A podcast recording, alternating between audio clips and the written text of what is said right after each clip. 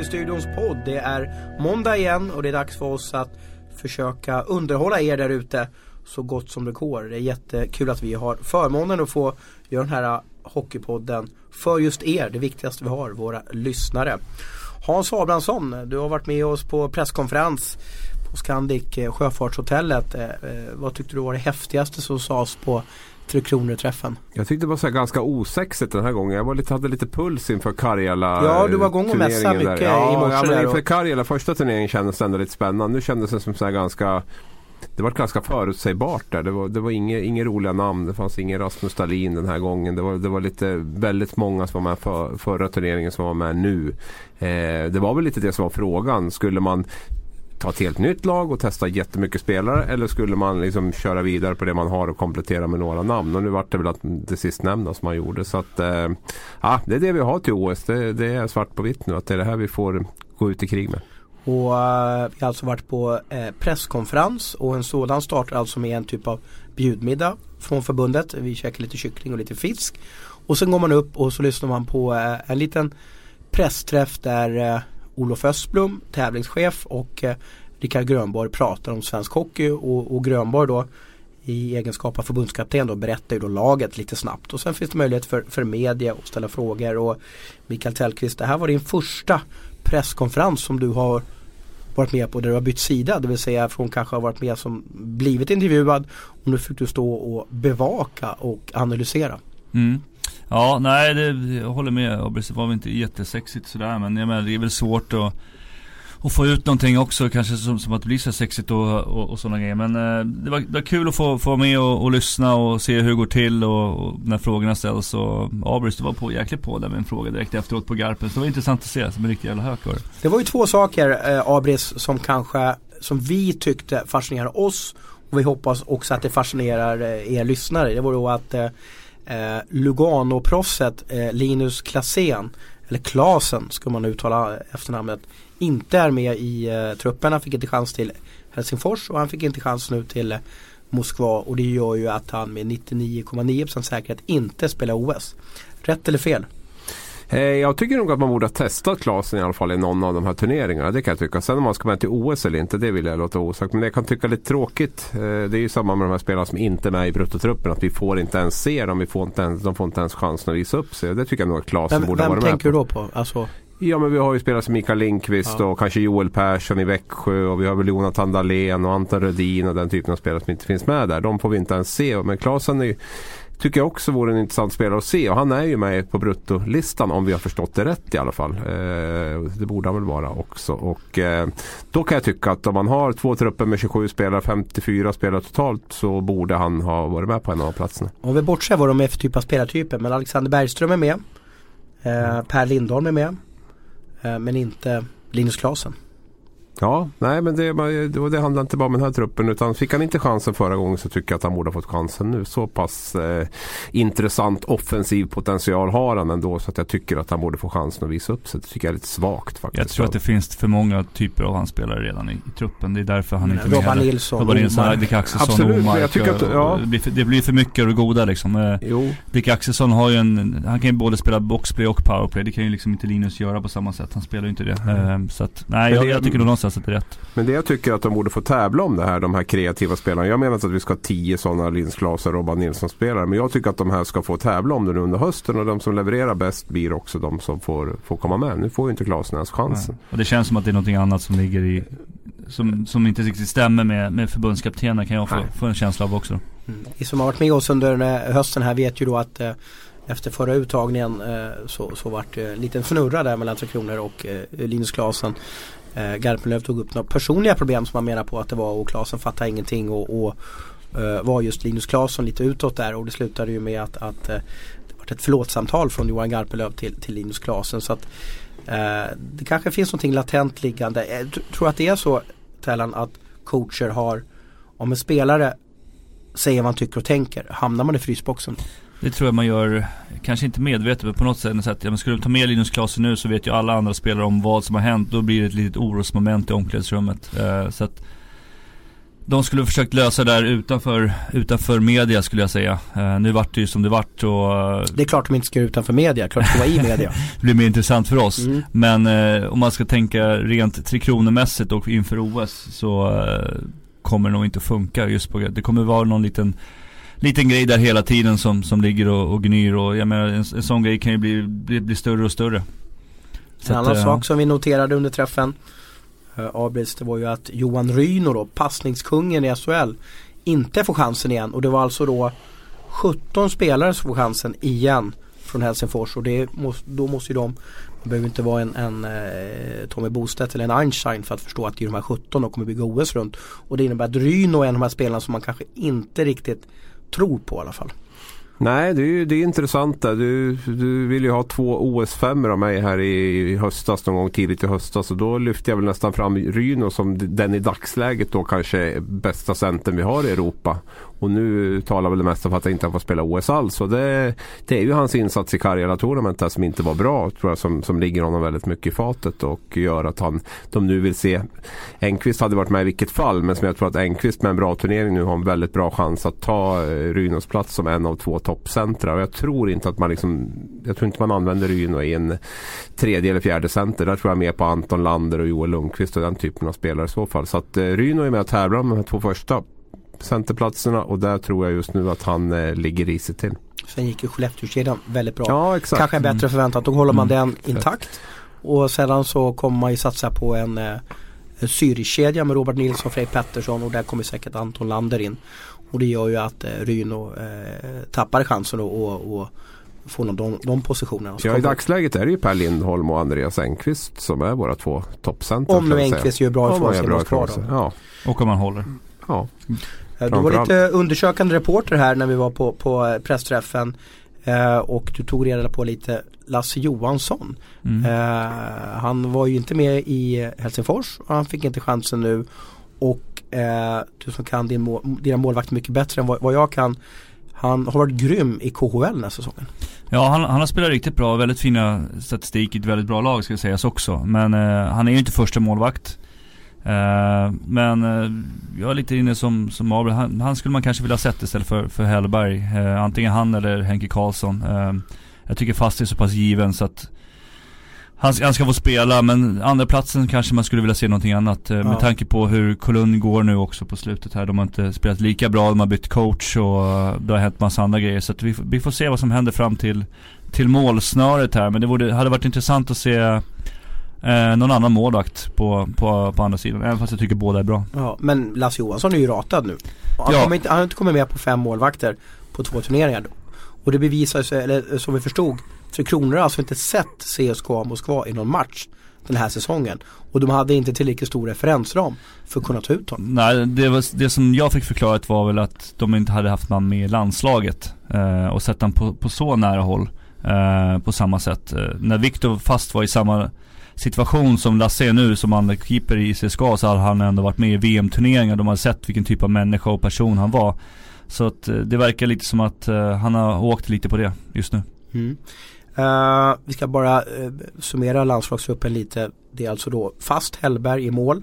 Vi har Kronvall, Gustafsson, Nygren, Hörsley, Micke Wikstrand, Ahnelöv, Fransson, Tömmernes, Junan, Burström eh, som backar. Och av dem så är det alltså då Kronvall, Gustafsson, Nygren, Hörsley, Ahnelöv, Fransson med som eh, återkommande backar, det vill säga att de gör sin andra landslagsturnering.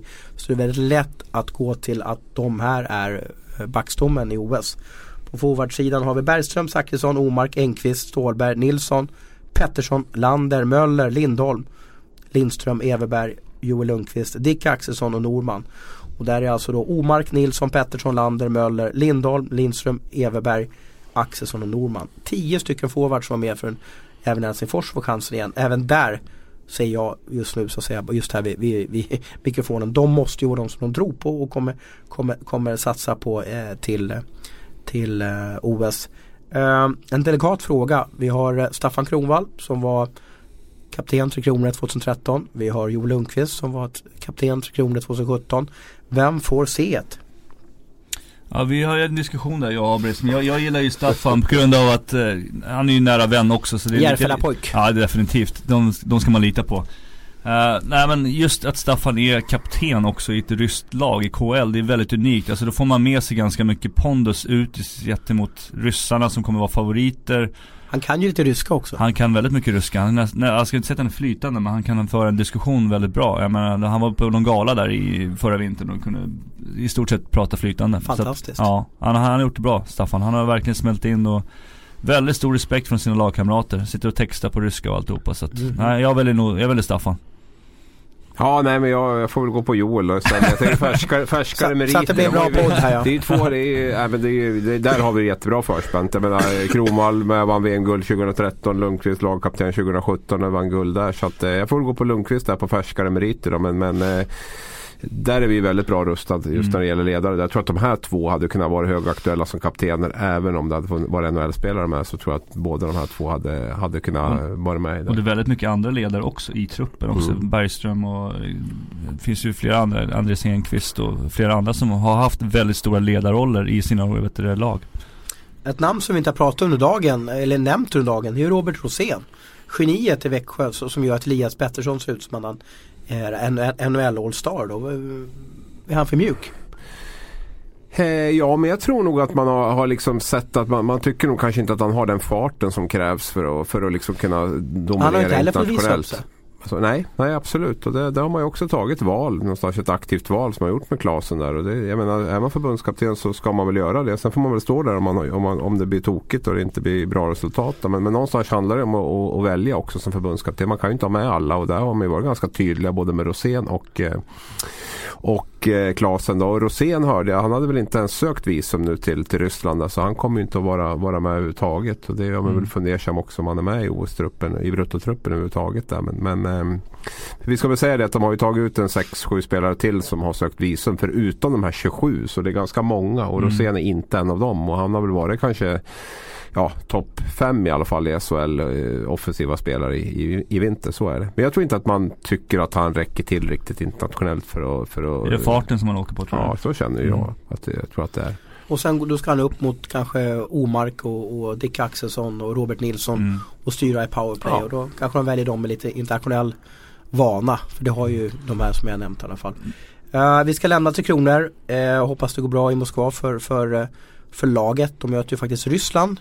Sydkorea, första landskampen någonsin mot Sydkorea då. Som är ju arrangörsnation i OS och som har kvalat in till VM.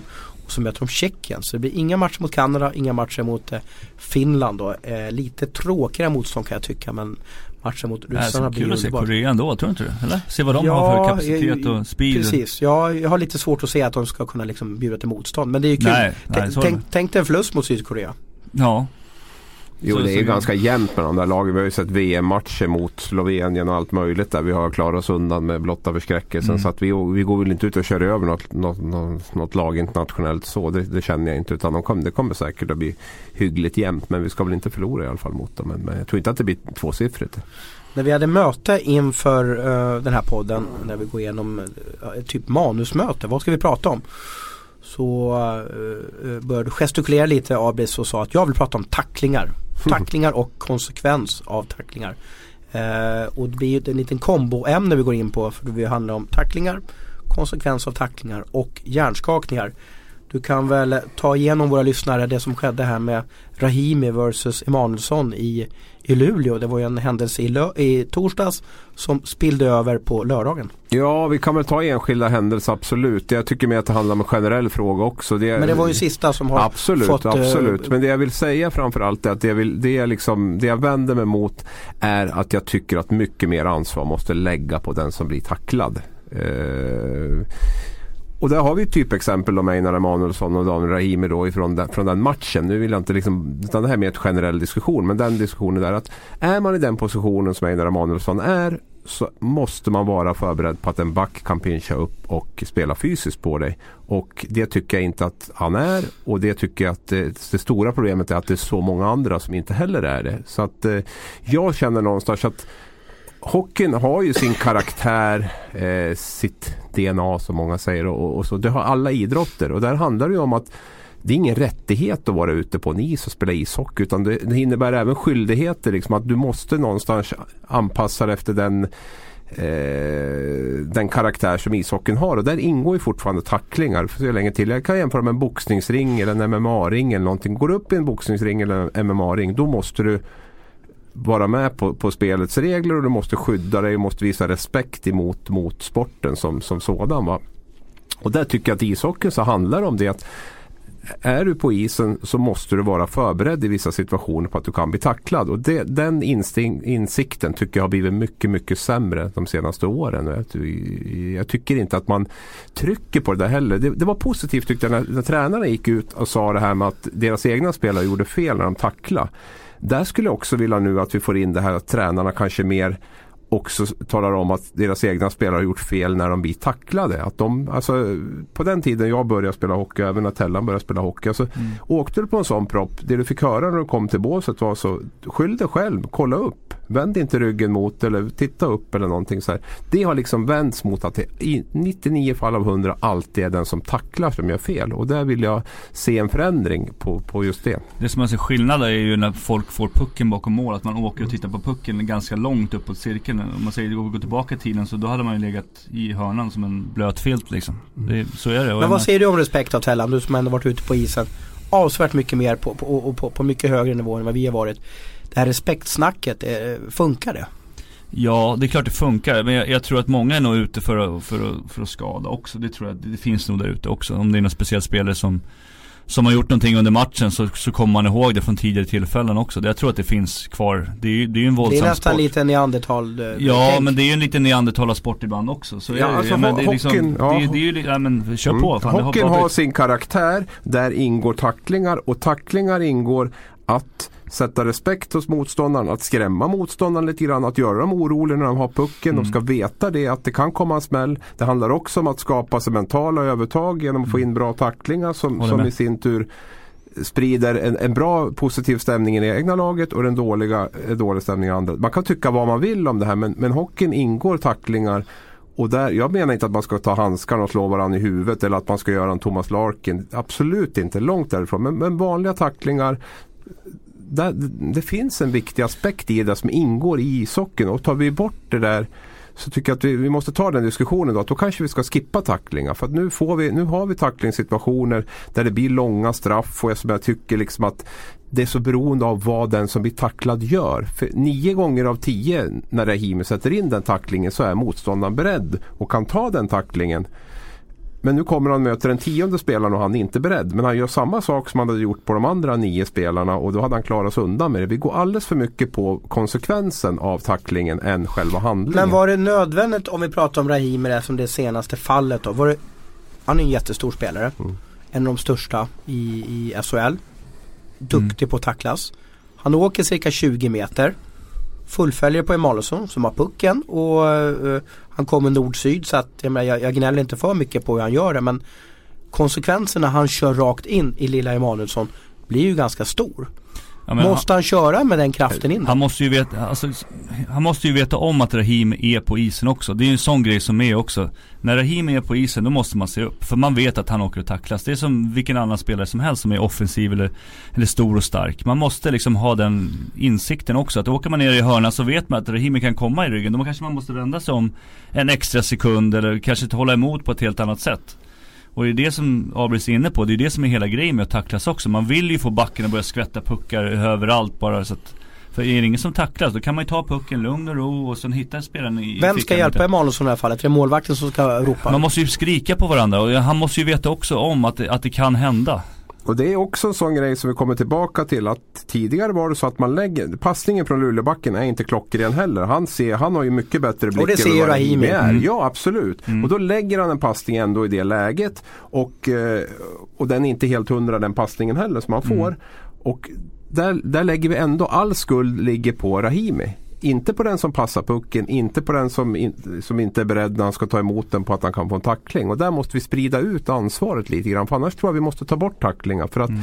jag, jag, vet inte hur Rahim, nu har han åtta matcher va, och eh, 50 000 i böter. Ja nästan 60 räknar jag med. För jag, ja, de jag funder, böterna också. Ja, jag funderar ja, på att det var nästan en Bali-resa som försvann från familjen. Ja, och jag funderar hur tänker han? Så är det värt liksom och, för vi, någonstans så tycker vi ändå att det är liksom lite lockande det här med att man sätter in tacklingar och det, alltså att det är en del av sporten som är en ganska viktig del att det finns tacklingar på isen. Men det där har man ju, det har man ju hört också bland, bland, spelare också, inte bara de som jag spelar med utan också just att nej men jag kan inte tackla för då åker man bara på en böter liksom.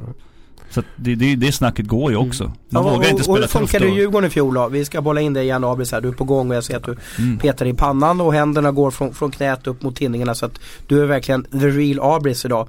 Hur går tugget i omklädningsrummet? Micke Allén, Högström i fjol. Vågar man tacklas? Nej men alltså ni ska inte hänga ut någon i mitt eget lag men det är ju inte bara spelare i Djurgården. Det finns ju andra spelare ja, som spelar, spelar tufft. Hur, hur... Men, jag, tror man, man tror man stannar till lite grann. Man tänker till lite extra. Och det, men, visst Någonstans var det väl det man ville komma åt också, att få bort det här huvudtacklingarna och komma in med mycket speed och sådana grejer också. Så är det ju naturligtvis, men det, det får ju konsekvenser.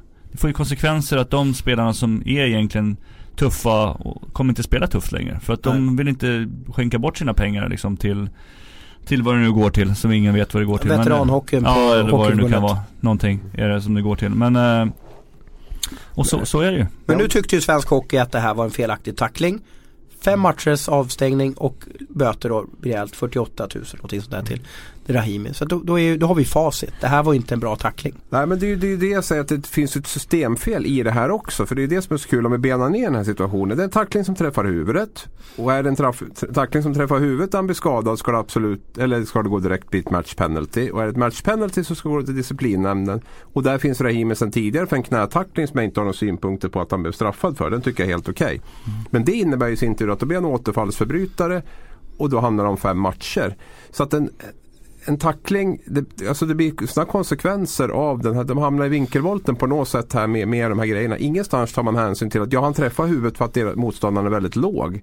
Han blir skadad Ja hur skadad blir han? Han spelar två dagar senare. Jag vet inte hur skadad han, han blev det, heller. Det är ämne vi ska halka väga... in på när vi har benat ut det här. Med den här. Och det blir väldigt känslosamt. Jag vet det. Att om en spelare, konsekvensen, en spelare ligger skadad på isen. Då är det jättetufft för mig att skriva på Twitter att eh, se det för istället. Så slipper du det där. Man, man gör det är ju inte det. politiskt korrekt. Det är inte politiskt korrekt. Jag, det, det gör man inte. När man får den här dåliga passningen också. Då, då kanske man kanske ska titta sig runt omkring först. Så man, när man tar emot den. Alltså du åker ju inte igenom en korsning rörlig och tittar rakt ner på gaspedalen liksom. Utan du tittar runt omkring nu innan du får pucken. Mm. Och det, det, är, det är just det här medvetandet jag pratar om och då är det många som frågar mig kan man träna på det och så. Ja, jag tror att det är viktigt att man snackar om det, att man får klart för sig att det är ingen frizon där ute. Du måste vara beredd. Du mm. får inte, i Vala vissa fall måste du skydda dig, mm. släppa pucken, mm. skydda dig. Mm. Alltså, det är nummer ett. Liksom. Ja, så för så pratade man, nu låter det ju väldigt så här bara ö, förut. Men det är inte så länge Men, som man höll nej, på. Nej, inte. Och den diskussionen tycker jag har försvunnit lite grann i takt med att det här med att det alltid är,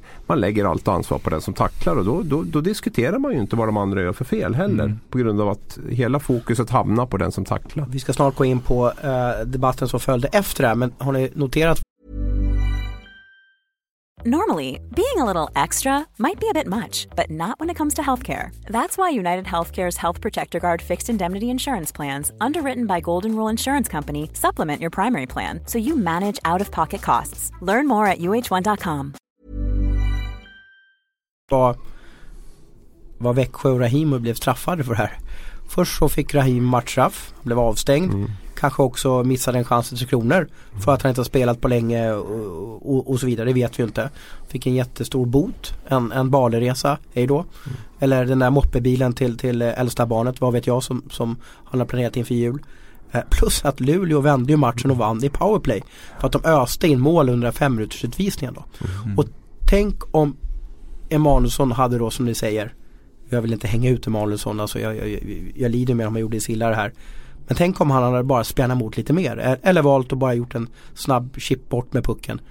Då hade ingenting hänt. Nej. Och det här måste ju bara, det jag försöker komma till det är att wow vilken effekt det blir om jag kan dra på mig en fem minuter för, motståndar, eller, eh, för motståndarlaget så vi spelar powerplay i fem minuter. Mm. Wow, det här måste ju ge något incitament i huvudet att jäklar, får jag en tuff tackling då, då och ser lite ser lite konstigt ut i blicken. Det, domarna kommer köpa det lätt. Jo men det är självklart att det är så. Det är ju verkligen så att blir du skadad så, så, så är ju, bedöms ju tackling på ett annat sätt om du inte blir skadad. Och men sen är ju frågan kvar. om Emanuelsson blev skadad. Nej, nej, Vi kommer in på det, det nu ska Det har ifrågasatts av läkare, det, det, vet jag ju. Det är internt diskuterats att vad det, vad det är som har hänt liksom. Eftersom man är tillbaka mm. efter två dagar. Då har man inte gått igenom de här järncykeln eller innan järnstadiet heller som man ska gå igenom heller. Mm. Och du var ju första AB som knäckte det här. Du skickade ut laguppställningen väldigt tidigt i lördags eh, inför Luleås match där att, att Emanuelsson var på isen igen.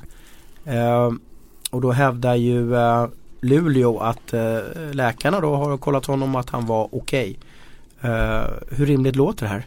Eh, när man ser situationen så låter det orimligt. Sen, jag, jag, jag kan inte ifrå, jag, jag, måste ju någonstans lita på att de i det här läget när de har så många ögon på sig ändå med Emanuelsson-smällen som vart eh, mycket fokus på att man inte chansar nu. Samtidigt tror jag inte att man kan vara helt med full säkerhet säga heller kanske två dagar efter om det om man är helt ren för att spela heller. Men, men eh, någonstans måste jag också lita på att, på att eh, Luleå har tagit ett riktigt beslut här nu. Men det sätter ju också frågan på sin spets. Vad var det som hände egentligen i samband med den här tacklingen? Ja, var det en fem minuter eller fem Var det verkligen ett, ett game eller match, match penalty för, för, för en tackling som gav till skada när eh, Emanuel som spelade 43 timmar senare. Nej, men bedöm handlingen och inte konsekvensen tycker jag. För ja, men så då, gör vi inte i svensk hockey. Nej vi gör inte det. Och ändå har vi lämnat mera, vi har ju lämnat utrymme i regelboken också tycker jag på det här. Att, att dels att det träffar det först på en annan ställe än huvudet och, och sen glider uppåt huvudet. Lika det här om spelare åker med lågt huvud så ska man kunna bedöma det mildare.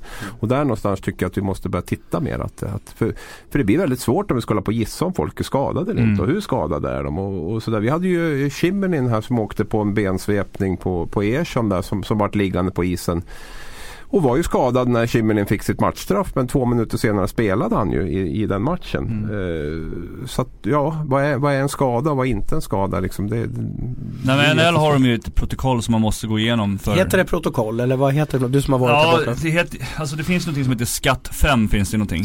Skaft 5? Skatt, C eller S-C-A-T 5 det är ett protokoll som man ska liksom gå igenom när man har fått en hjärnskakning. Mm. Uh, och då gör man den, först och främst gör man det innan säsongen har börjat. Så man får, får svar. Och Vad är det här man... för något då? Alltså förklara lite mer. Nej men det är alltså, man ska svara på mellan 0 till 6 hur man mår i stort sett. Eh, man ska försöka komma på ihåg papper och penna papper eller? och penna och man ska komma ihåg vilken månad det är, vilken, hur många barn man har och Är det på bla, bla, tid eller? Det får minst ta, det ska ta minst 10 minuter så det är ganska lång tid det ska ta. Och det här ska ju eller ske max, direkt. Max, ja max förlåt. Mm. Ja, eller det ska ta mer än 10 minuter ska det ta. Så det ska ju ta lite tid liksom. Och det får ju liksom, det ska ju ske direkt efter man har fått en smäll mot huvudet. Så man har koll på det. Naturligtvis inte om man ligger helt avsvimmad men det är, det är ett protokoll som man behöver följa liksom. Mm. Och det, jag vet att det är många klubbar som inte har ett sådant här protokoll. Det är kanske är dags att börja införa en sån grej. Men du menar att man har ett frågeformulär inför säsongen. Hur många Precis. frågor är det med på det här ungefär? Oh, oj oj, nu ska vi se. Jag har det här framför mig. Men det är, det är ett gäng frågor. Så det tar lite tid att fylla i. Det gör det. Uh, men samtidigt kan man ju få svar på. För ofta så händer det väldigt mycket saker i hjärnan. Jag menar, en hjärnska, äh, hjärnskakning är en hjärnskada. Alltså celler dör ju i hjärnan. Så det är ju otroligt viktigt att man måste få läka ihop. Men nu menar du på att om man fått en hjärnskakning så är det svårare att svara på hur många barn man har? Jo men så är det. Det är svårt att, det går, tar längre tid och, och jag har haft tre hjärnskakningar till exempel. Det tar ju längre tid innan man liksom fattar var man är någonstans. Det tar längre tid innan man fattar vad man har ätit samma dag. Det tar, man är ljuskänslig. Det är liksom, det är mycket grejer som, som händer i, i huvudet när det är så här. Så det är väldigt mycket svårare. Mm. Men, men hur vart det för dig då? När sa, var det i Nordamerika det här eller? Ja, det var i Nordamerika. Ja, vad, vad sa läkarna till dig eller vad sa NHL till dig? När var du friskförklarad? Ja, men jag var fortfarande på den tiden där det var väldigt svårt liksom att, ja, vad ska man säga, alltså det var, man var tillbaka ganska fort. Jag var tillbaka inom en vecka men sen fick jag en hjärnskakning direkt efter det igen. Så att jag skulle ju ha vilat betydligt mycket mer än vad vad, vad jag gjorde. Uh, det är därför det finns de här grejerna liksom. Mm. Uh, jag, vet, men, jag vet ju att Siko vill till exempel, de vill ju starta ett vet samarbete med Sports uh, Medicine som ligger uppe i Umeå. Att det blir neutralt. Att det samlas i liksom en, en, en bank, eller vad säger man? Att alla lag samlar på samma, samma ställe. Så det blir en neutral läkare, neutrala Men, men räcker penna och papper? Jag trodde det skulle vara något liksom formulär via, via datorn där det liksom lyser upp en siffra 7 och så ska man trycka en kombination på datorn och, och Nej, men det, är läkare, fått... det är en läkare som gör det här så det gör ju inte okay. själv liksom. Och sen ställer man frågan, alltså kommer du, läser du upp 4, 5, 6, 7 olika ord och hur många kommer man ihåg av de här orden till exempel? Ja, mm. Och sånt här grejer. pilottest typ nästan. Ja men det har ju med, med hjärnan, jag, jag, jag menar, har du en blödning på hjärnan så, så kommer du inte komma ihåg alla de här grejerna. Det Så här är det. var ju, det här höll vi på med under World Cup Thomas, det kommer du ihåg va? Mm. Så, Ja. Vilken spelare var det som hade fått hjärnskakning? Mm, kommer du ihåg vi ska det? se här nu då. Ja, vi behöver inte. Det var en spelare som de skickade in i Ja. nästan the dark room där, eller de kallar det för ja. Ja, det var ju något med och backen. Jag kommer inte ihåg, men då var det ju mycket och då fattade jag som att ja, det är en formulär som man fyller i och på. ja. Och klarar man det, varsågod spela ja. Ja. Mm. Eh, men det finns ju en kostnad med det här. Det är kanske därför som, som eh, för det här innebär om vi skulle göra Tellans eh, botemedel eller läkemedel med så här gör man för att inte spelare ska kunna jag vill inte säga att de fuskar sig fram till spel men att de så gärna vill spela att de kan lura läkarna då. Jo men har, man har ju ett ansvar för spelarna också. Det handlar ju inte om matchen som är om två dagar. Det handlar ju om tio år. Är du med? Ska vi ha den här proceduren där folk om tio år börjar ta självmord och så bara för att de hamnar i depression. Det är ju inte bra för ligan heller. Nej. Så den lilla kostnaden som det kan vara för det här i, i stora loppet blir ju liksom en bra, man tar hand om sina spelare på ett helt annat sätt. Mm. Men det här protokollet då som finns i NHL, Mm. är det, Det finns i Sverige också. Ja, vissa det- lag använder vissa lag använder är inte. det Toronto eller var det ligan som bestämde att du ska genomföra protokollet? Nej det var ligan som bestämde. Okej. Som vi gjorde det. Och det är ju det som är bästa för att Så hade Toronto vill ju att du ska spela. Så att jag menar det är ju bättre om ligan säger Precis, men för, för min del var det för att jag hade haft hjärnskakning. Då var man tvungen att göra det. Man var tvungen att göra den här grejen innan man gick in i började säsongen. Nu så är den här grejen så att man vill att alla spelare ska göra den. Mm. Så att man vet när det händer, så vet man, då kan man gå tillbaka och titta, Ja. vad sa du då? Ja. Och sen liksom Och hur snabbt tog det Ja och så vidare. Och det låter ju som klockrent eh, Abris. Mm. Ja, nej men absolut. Och det är ju, men det är ju som du säger också att det är ju säkert en resursfråga. Men, men, men någonstans tror jag väl kanske att det är dit vi behöver komma. Det handlar ju också om att det kommer in väldigt mycket mer pengar i, i sporten, i SHL här fram, åren framöver. Och då måste det här vara en fråga som är, som är högprioriterad. Mm. Just fått, det där att kunna spara data från Precis. spelaren och ha den och jämföra med varje enskild Det är spelare. jättebra. Så här ligger jag till liksom. Det Mm. måste ju vara en enorm hjälp för för eh, de som ska fatta beslut om spelarna ska spela eller inte vi i eh, Sportbladets Hockeyhub ska rota vidare här och kanske eventuellt vi kan publicera eh, sånt här protokoll så att ni eh, lyssnare även kan läsa om det på, på vår sajt. Eh, vi får se vad vi får fram under måndagen eller tisdagen. Eh, lite generellt om, om tacklingar då, Tellqvist. Eh, varför är det en tacklingsdebatt i svensk hockey de senaste tre åren? Nej, men det beror ju på att det har varit så väldigt mycket hjärnskakningar. Eh, spelet har blivit snabbare. Eh, det tar tid innan folk lär sig, spelarna lär sig den här farten som är där ute just nu. Eh, och samtidigt då när det blivit högre fart och inte blir tacklingar så åker folk och tittar lite mer på pucken och, och så när det väl händer någon tackling då så blir det som det blir nu. Tyvärr. Åt vilka håll ska vi gå då? Vi inför protokollet om, Mm. om du får vara Mm. hockeygud.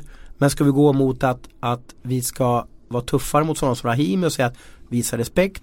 Eller ska vi gå mot att vi släpper upp för tacklingar med risk för att vi får, får fler hjärnskakningar.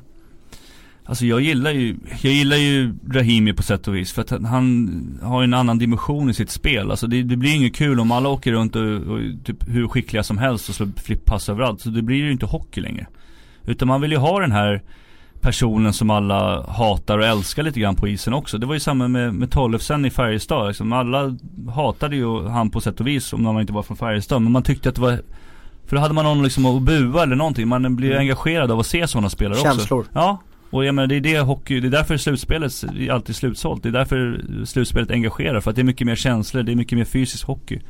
Så att, eh, nej jag, jag gillar ju tacklingar. Är är. Kan, kan man förbättra hjälmarna på något sätt så att de, de skyddar mot Ja men det gör man ju varje år. Det, det, det har ju kommit från början. Hjälmarna nu jämfört med förut är betydligt mycket bättre också. Men det är Tänk också på Gretzkys Jofa-hjälm där. Ja de, de var inte så bra, eller de andra hjälmarna var inte så himla bra heller Men det är klart man kan kolla över utrustningen, axelskydd, armbågsskydd eh, Målvaktsskydden, de blir ju alltid lättare och lättare på grund av att man byter material i dem Man skulle kanske kunna hitta något material som, som är mjukare eh, På sådana vis eh, Kenny Jönsson hade ju någon hjälm som påminde, man såg ut som en rymdresenär där. mm. Men det känns som att den har inte slagit igenom riktigt. Nej men för, för Kenny vart det väl så, ja, men ju fler hjärnskakningar du får desto mer känslig blir du också. Eh, då, då krävs det kanske bara till och med en tackling på kroppen ibland innan man får, får en sån så att eh, Hans, hans situation var väl extrem men det är klart man ska titta över alltihopa, vad man kan göra för skillnad. Men eh, jag, vill, jag vill få in mer tacklingar och mer fysiskt spel, jag gillar det. Vi ska kärleksbomba Djurgården. Det är det lag som har gjort störst positiv förändring.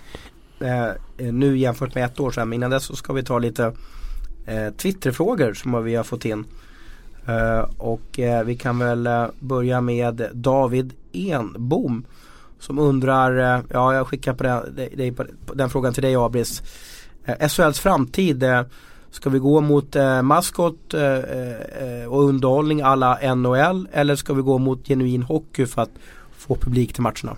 Den där frågan har vi faktiskt diskuterat för inte så många veckor sedan. Där. Och jag, jag, är ju för en, jag är för en mix. Jag tycker inte att man behöver utesluta det ena och behöver utesluta det andra. Bara för att vi ska fokusera på hockeyn så behöver det ju inte, inte hända någonting på läktarna så att säga. Men det, det är väl viktigt att man hittar en bra balans däremellan. För jag tror någonstans att eh, vi bör nog eh, ha lite trevliga saker runt omkring också på något sätt för att locka, om inte annat för att locka en bredare publik. Jag vet inte hur de tänker de här som säger att det ska bara vara hockey.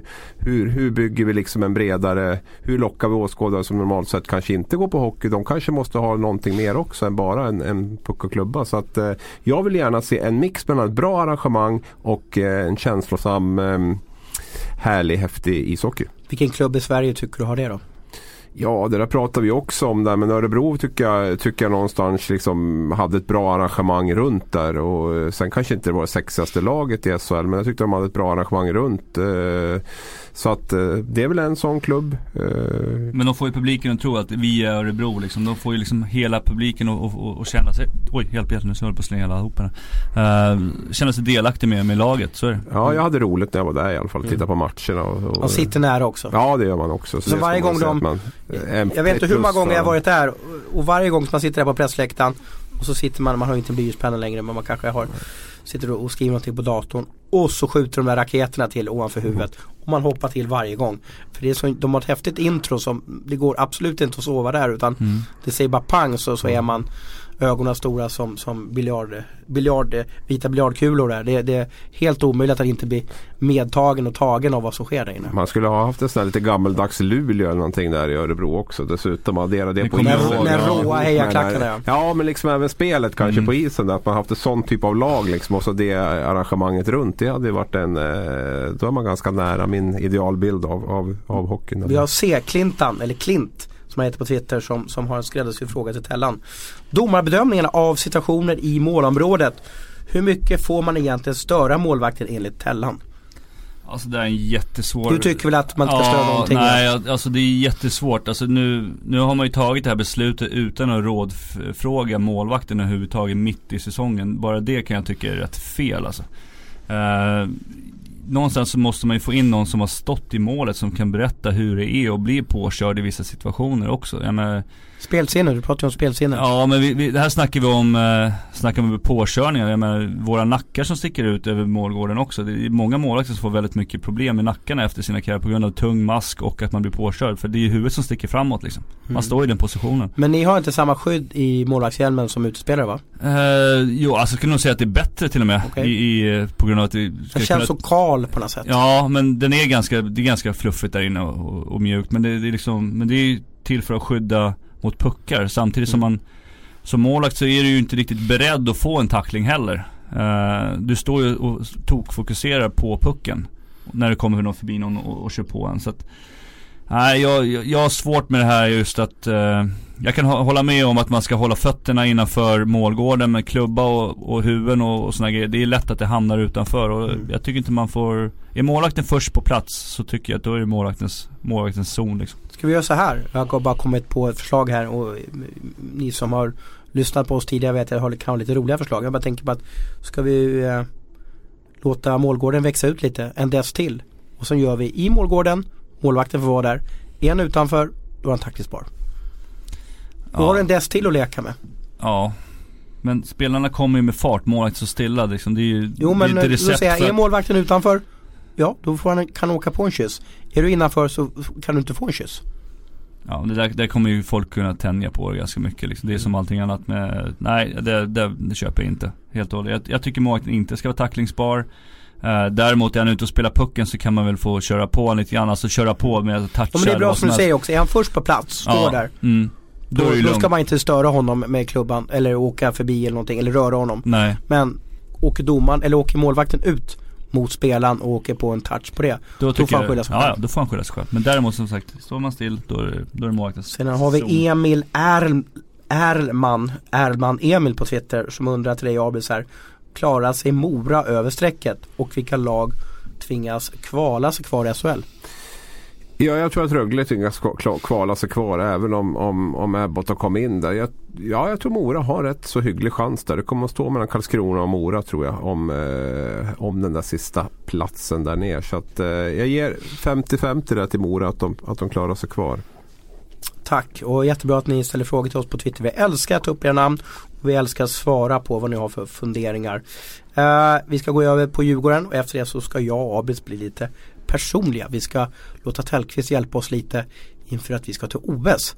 Så har vi uh, en liten utmaning där till Tellan hur vi ska få det att funka när jag och Abri ska, ska, inte jag heller. När jag och Abri ska bo ihop nämligen som vi aldrig gjort förut. Så att, Aha, du ser. Ja det blir spännande. Eh, men Djurgården, det är nämligen så att om vi tar en tabell nu, det är ju inga svårigheter och jämför med en tabell för ett år sedan så har de alltså 15 poäng mer. Och eh, från att ligga i botten av serien till idag ligger de alltså i toppen av serien. Vad är det som har hänt? Är det bara eh, Tellan-effekten som, som vi ser eller? Var, Han har fått bättre målvakter, så är det. Nej men vad är det som har hänt? Vad är det som har gjort det där laget som hade ganska tufft i fjol? Ny tränare, eh, skickade i, Ikonen som kom med i landslaget nu till Brynäs. Mm. Eh, och nu är de kanske en aspirant till SM-guldet.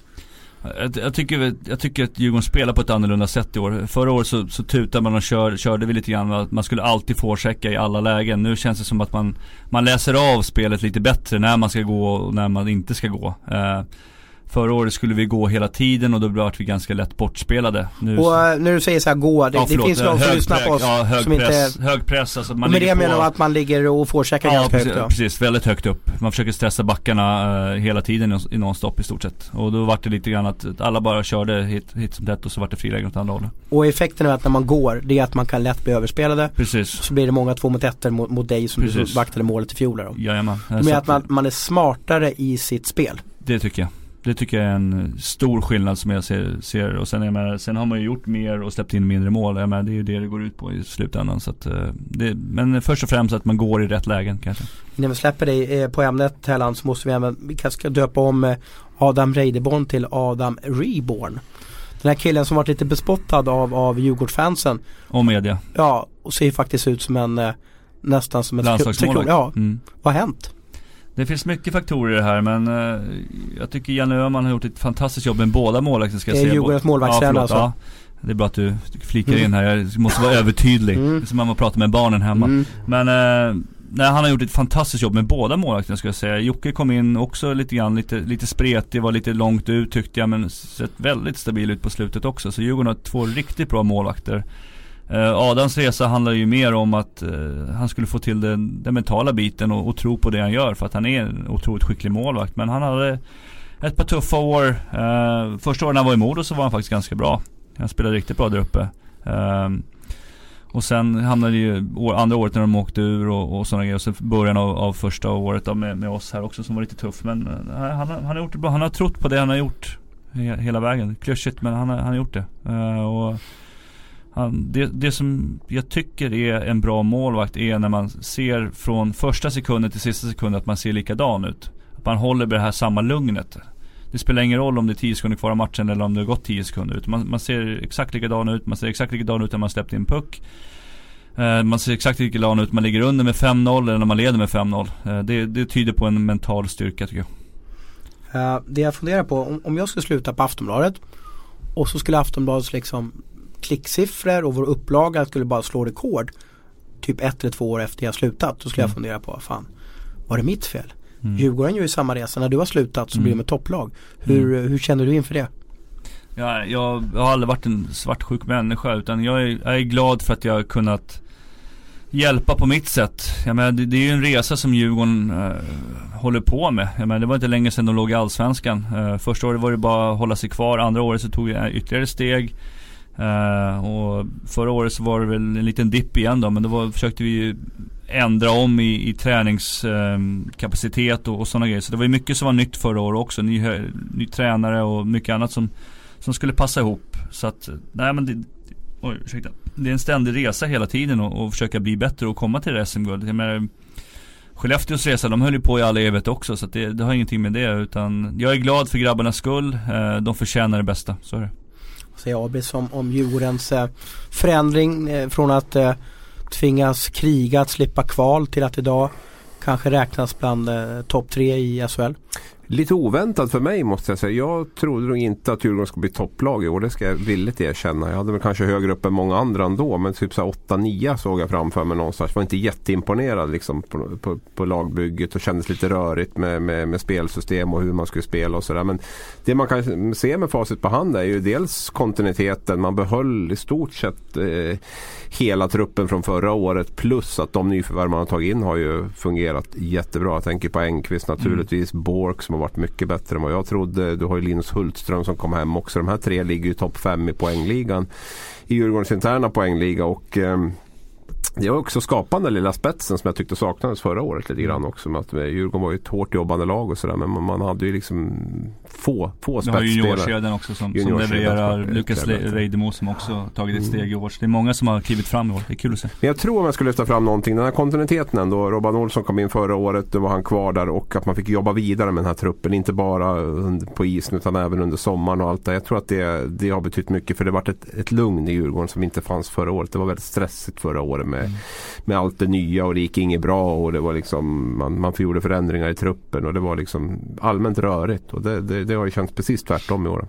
Det finns ju två lag som har gjort olika typer av resor den här säsongen. Eh, Frölunda har backat och Djurgården har ju gått framåt. Eh, Abris, gissa hur många mål Frölunda har gjort i, i powerplay den här säsongen? Uh, oj, ja, det ja, var en svår den fråga. Är, den är taskig så att säga. men det är bara för att jag, ska... vet ju att, jag vet ju att Brian Lash har gjort en väldigt mycket av sina poäng i powerplay. Så de har säkert, de borde väl ha gjort eh, hyggligt med, med mål i powerplay där. Ja. De har gjort 20 stycken och mm. vad jag vill jämföra med det är Djurgården som har gjort 7 mål i powerplay. De, har, mm. de är Sveriges, eller fel, SHLs sämsta lag i powerplay och ändå ligger trea. Hur kan det vara möjligt? Vi ser, vi ser ju exempel på det då och då. Att special teams-lag, Växjö var väl ett sånt lag, har väl varit ett sånt lag under flera år typ som, som har haft ganska dåliga special teams. Men som ändå Växjö, nu har Växjö bäst powerplay. Nu har de bäst powerplay och nu är de med i, to i toppen redan under hösten vilket de inte alltid brukar vara heller utan de brukar vara ganska tufft. Men, men det, det är ett sånt exempel. Djurgården är ett sånt exempel i år också. Att, eh, på sikt och, och, och fler lag så funkar det inte men ibland kan det fungera med, mm. eh, med enskilda lag där. Man vill ju försöka ligga på runt 100% tillsammans med, med, med PK då, med, med boxplay och Djurgården ligger på 97 medan mm. Frölunda kommer upp i 100 liksom. Så man, mm. man, får jämföra båda. Så menar, även fast man kanske inte gör mål i, i powerplay så förhindrar man ju väldigt mycket mål i boxplay Det här var ju samma sak i fjol, att Djurgården hade dålig powerplay. Ja. Hur frustrerande är det i omklädningsrummet när det inte funkar? Djurgården har alltså då haft 50 möjlig möjligheter i powerplay den här säsongen och gjort endast 7 mål. Det är också sämst i SHL bara sju mål i powerplay när man är ett topplag. För det bevisar att man har skickliga spelare som kan göra mål, i alla fall fem mot fem. Det är ju mm. svårare mm. att göra mål fem mot fyra. Man har Linus Hultström som för några år sedan var en fantastisk powerplayback. Varför? Hur, hur, hur, blir man frustrerad eller, eller blir man inte det eftersom man ligger så högt upp i tabellen då? Det är klart man blir frustrerad på när powerplay inte fungerar. Det, det är synd att säga någonting annat. Men jag tror att eh, där har de ett väldigt sparkapital. Jag menar det gäller, det gäller att lösa upp motståndarnas försvar på ett helt ett annat sätt. Det är det som, det som gäller. Och jag menar, nu gjorde de ju mål mot Mora sist i, i powerplay. Så det kan ju vara en sån här grej som, en propplösare helt enkelt. Som, som gör att det helt plötsligt bara börjar rasa in puckar också. Så att eh, det, det, är mycket, när det händer såna här grejer så är det mycket, det sitter i huvudet oftast liksom. Och då ska man försöka göra det mycket enklare än vad man vad man försöker göra. Oftast försöker man gå in och så rita på tavlan massa olika konstiga bågar som man ska göra utan, utan ta upp pucken lätt, kanske en spelare, raka passningar in i zon och sen bara börja skjuta. Börja skjuta bara. Jag saknar ju direktskott. Elias Pettersson älskar han direktskjuter. Men jag skulle hävda att Djurgården inte har en Elias Pettersson som är duktig på forwardsidan och direktskjuta. Man har Linus Hultström som har en bra, bra bössa där. Ja, men han Bork Bork är väl ganska okej okay, eller på direktare, är det inte det? Vad sa du? Bork är väl ganska okej okay på direktare eller? Ja, jag vet inte hur många powerplay-mål han gjort den här säsongen då så att vi får... Ja, det har dålig koll på det också. Ja, men, sitter men, med datorn så får, får googla upp det men Men eh, bevisligen, sju mål hittills mm. totalt. Så att han kan inte ha något superskott ja, men det, det, som är svårt, om man ska gå in på vad som är svårt eller lätt. Alltså så svårt som, som målakt och, och som försvarande är ju när, när, när, de första 30 sekunderna om laget kommer in och skjuter och skjuter Direkt, och skjuter kontroll, och skjuter. Ja. Precis. För då blir det att bara som försvarande så måste man backa in lite grann och så gör man sig mycket mindre och då kan man börja spela runt på utsidan. Mm. Så det är enkelt. Djurgården har gjort sju mål i powerplay. Patrik Lund har gjort fyra av dem. Så mm. då förstår ni att det är väldigt många som inte... Enqvist har gjort ett, Marcus Ljung har gjort ett och Jonathan Davidsson har gjort ett. Mm. Resten mm. har gjort noll mål i powerplay. Ja, så Bork har inte gjort noll. Borks effektivitet i powerplay det. du hade rätt. Ja, ge mig. Uh, vi får se, hur långt, eh, lite kort bara, hur långt räcker det för Djurgården då, Abis? Eh, Topp 6 tror jag att de kommer att Topp vara. ändå. 6? Ja. Du tror att de får en dipp alltså? Ja, jag tror att de kommer, komma, de kommer att klara sig på topp 6. Det kommer de att göra. Men jag tror inte att de kommer att vara topp 3. Och det är väl ingen som kommer ihåg eh, serien, slutspelet då? Ja, det blir intressant. Jag tror ändå att Djurgården har ett lag som kan funka ganska bra i ett slutspel. Så jag ser att de åker ut i semifinal. Mot något av mina två finallag. Och nu Tellan, försök jag att sätta bort. Djurgårdshjärtat Jag här. är jävig. Ja, men jag tror att det kan gå väldigt långt i år. Drömfinal, Djurgården, Färjestad. Ja, eller Frölunda kanske. Mm, Vi Frölunda snackat, har- snackas om Frölunda har någon- Stockholms... Ja, Frölunda har någon lång resa till en Ja, final. men de har, de spar kapital. De har någon sparkapital. Det vore häftigt med ett eh, storstads, storstadsfinal. Innan vi avrundar så, så, så ska vi bli personliga här inne. Inte privata men personliga. Nu ser du orolig ut Abris.